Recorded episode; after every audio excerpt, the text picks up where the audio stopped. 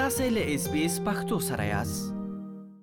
په افغانستان کې د وسلوالو طالبانو تر واکمنېدو وروسته په دې هیواد کې د نارینه او سوالګرو ترڅنګ د خزینه او سوالګرو شمیر لوړ شوی دی د امګړې د افغانستان په ګڼ شمیر سیمو کې سوالګر ماشومان او خزې تر سترګو کیږي چې خیر ټولوي په افغانستان کې د مرمنو لخوا سوال یا ګدای کول نوې خبره نه ده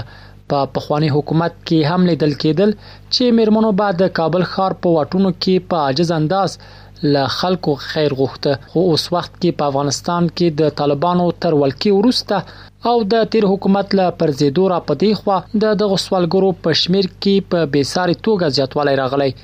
له کومې ورځې را په دې خوا چې افغان حکومت د طالبان له لوري سقوط شو، په افغانستان کې د ګڼو کورنیو اقتصادي وضعیت ځکه خراب شو چې هغوی پس انداز یا هم زیرمه شوي خوراکي توکي نه درلودل او یو شمېر هغه ادارې هم وتړل شوې چې د نارینهو ترڅنګ ښځو پکې کار کاوه. یو شمېر مېرمنې په افغانستان کې د دې لپاره چې ماشومان یې له لوږې مړه نه شي، په ځان سختي تېروي او یا هم سوال یا ګدایۍ ته مخه کوي، ترڅو خپلې کورنۍ ته د خوراک او څښاک یو څه برابر کړي. د افغانستان یو شمېر اوسېدونکي په دغه هېواد کې د ښځینهو سوالګرو د زیاتېدو په اړه اندېښمن دي، خو په خبره یې سوالګرې مېرمنې ځکه اړ دي خیر وغواړي، څو ژوندۍ پاتې شي. همدغه جنګ و دربدري او د ځوانو نارینهوو مړینه، د هغوی نه داسې کومې زنانهوې پاتې دي، کونډې دي، یتیمان ورپاتې دي او مشکلات لري نو په همدغه حساب باندې زیاتره زنانه او سیاسره راوځي خیرات راټولي د خپل ماشومانو د روزي لپاره یا زوقې لپاره چې کله طالبان راغلل کابل ښار ته نو دلته هجوم دی خیرګرو خلکو دلته هغه سوزیا سوزکه سلته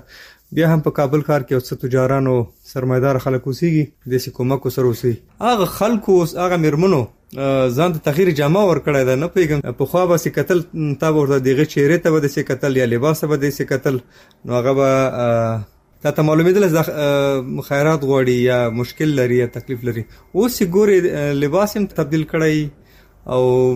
مخ پاک صفا وینځلی او سره لباس حجاب هر څه فرق په افغانستان کې هغه میرمنې چې د مجبوریت لمخې سوال ته مخه کړي وخت نا وخت بیا د جنسي ځورونې سره هم مخ کېږي. له دې ډلې یو شمېر هغو یې وویل چې د طالبانو له راتګ سره سم یې خپلې دندې له لاسه ورکړي او په کور کې داسې څوک نه لري چې پیسې ورته وګټي نو ځکه یې سوال ته مخه کړې.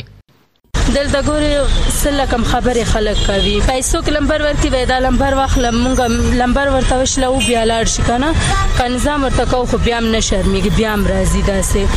بیا هم نه کېږي بیا هم خبرې کوي ځي بیا موږ خپله خپل ځای بدلوو ځو. واتم د سوال چې هیڅ کار نشته لاړم تذکره مې ویور مالک څه خوارو غریب ته څه کار وشي وای څه کومک مومک نه کی نه خیاتی ماته چا خیال ده نه خیاتی کې نیول ده نه خا نه به یو الله را سره کومک کوي نور بس خو په دې ډله کې داسې مېرمنې هم شتون لري چې د سوال او ګدایي پر ځای یې کار او بار ته مخه کړې د عالمې په نوم یو افغان مېرمنې وویل چې پخوا یې خیر غوښته خو وروسته یې دا غوره وګڼله چې یو کار باید وکړي، ځکه یې د کابل ښار په واټونو کې د قلمونو پلور ته مخه کړې. مخکې خو ما هم خیرات ټولو، بیا مې فکر وکړ چې خیرات ټولوم، خلک څه له کم خبرې کوي، ما دا څوک چې خیرات غواړي دا هم ښه ده قلم خرڅ کړي، مثال یو کار وکړي که نه، مثال دستمال خرڅ کړي، داسې قلم خرڅ کړي، لیفونه خرڅ کړي، هر شی چې خرڅولی شي خرڅ دې کړي، خو ګدایي نه ښه ده چې دا کار وکړي که نه، نو ځکه موږ هم کار کوو. موږ کور کې. نو یو می پلار دی بوډا دی او دوه می واړه واړه ورونه دی او شپږ خورګان یو او ځکه راځم چې ورونه خو غټ نه لرم کنه چې مونږ ته کار وکړي زه خپل مغه کار کوم او رمه کور ته مېر شي خرچه کوم خپل کور زه چې رانه شم ورونه خو اند مې وګي پات کیږي او زما پلار خو مریض ده کنه دونه نو سودا نه کیږي د ورځې 300 200 کیږي دینه ډیر نه پات کیږي مونږ ته یو شمېر هېوادوال وایي، که څه هم د طالبانو له راتګ سره د سوالګرو مېرمنو په شمېر کې زیاتوالی راغلی، خو په وینا یې چې دا میراث ورته له تېر حکومته پاتې دی. دغه شمېر هېوادوال بیا له افغان سوداګرو څخه غواړي، هغه پیسې چې د دوی له لګښت څخه اضافه کېږي،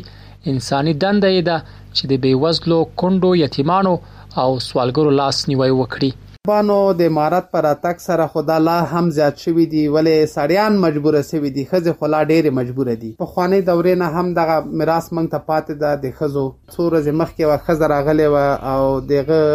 دوه زامن درلودل دواړه زامن یې یوې انتحاري کې په کابل کې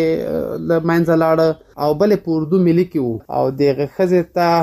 ځوان انګور پاتې وه بعضی قصی دسی یی چه د سړی زړه ورته زړه کوی ټک پاتی سی پریشانه پاتی سی دی سره څرخ هم سړی کومک وکی او په څه اندازه کومک وکی یو شای زه باید سی ووایم که څوک پیسی لری او الله پاک هغه نازولی دی هغوی ته هر رقم نعمت په دنیا کی ورکړی ده هغه باید سی د پیسو کومک وکی څوک سی تعلیم لری او الله پاک د تعلیم نه نازولی دی هغه باید سی تعلیمی برخه کی کومکونه وکړي نو باید چې خپل لاسونه بډ وهو یو بل سره کومک وکړو یو بل ته باید چې لاس ورکړو چې د هغه له هر څه نه مستفید کوشش هم دغه ده چې یو څوک راسي او خالی لاس د موږ نه لاړ نه شي د کار زمینه باید چې مساعده شي او که د کار زمینه نشو مساعده کولی باید چې هغوی سره کومک وکړو ښځه د موږ ابرو عزت ده د موږ خور ده د موږ مور ده او د موږ لورګان دي خلک قواره او چهره ته مو ګوري نو سړی باید چې خپله وډارسي ځکه دغه ورځ په موږ هم راتلی سي موږ هم غریب کېدای سو موږ هم په دا رقم ستونزو کې راتلی سو نو د دې لپاره باید چې لاسرسی ولرو او د یو د بل لاس ونیسو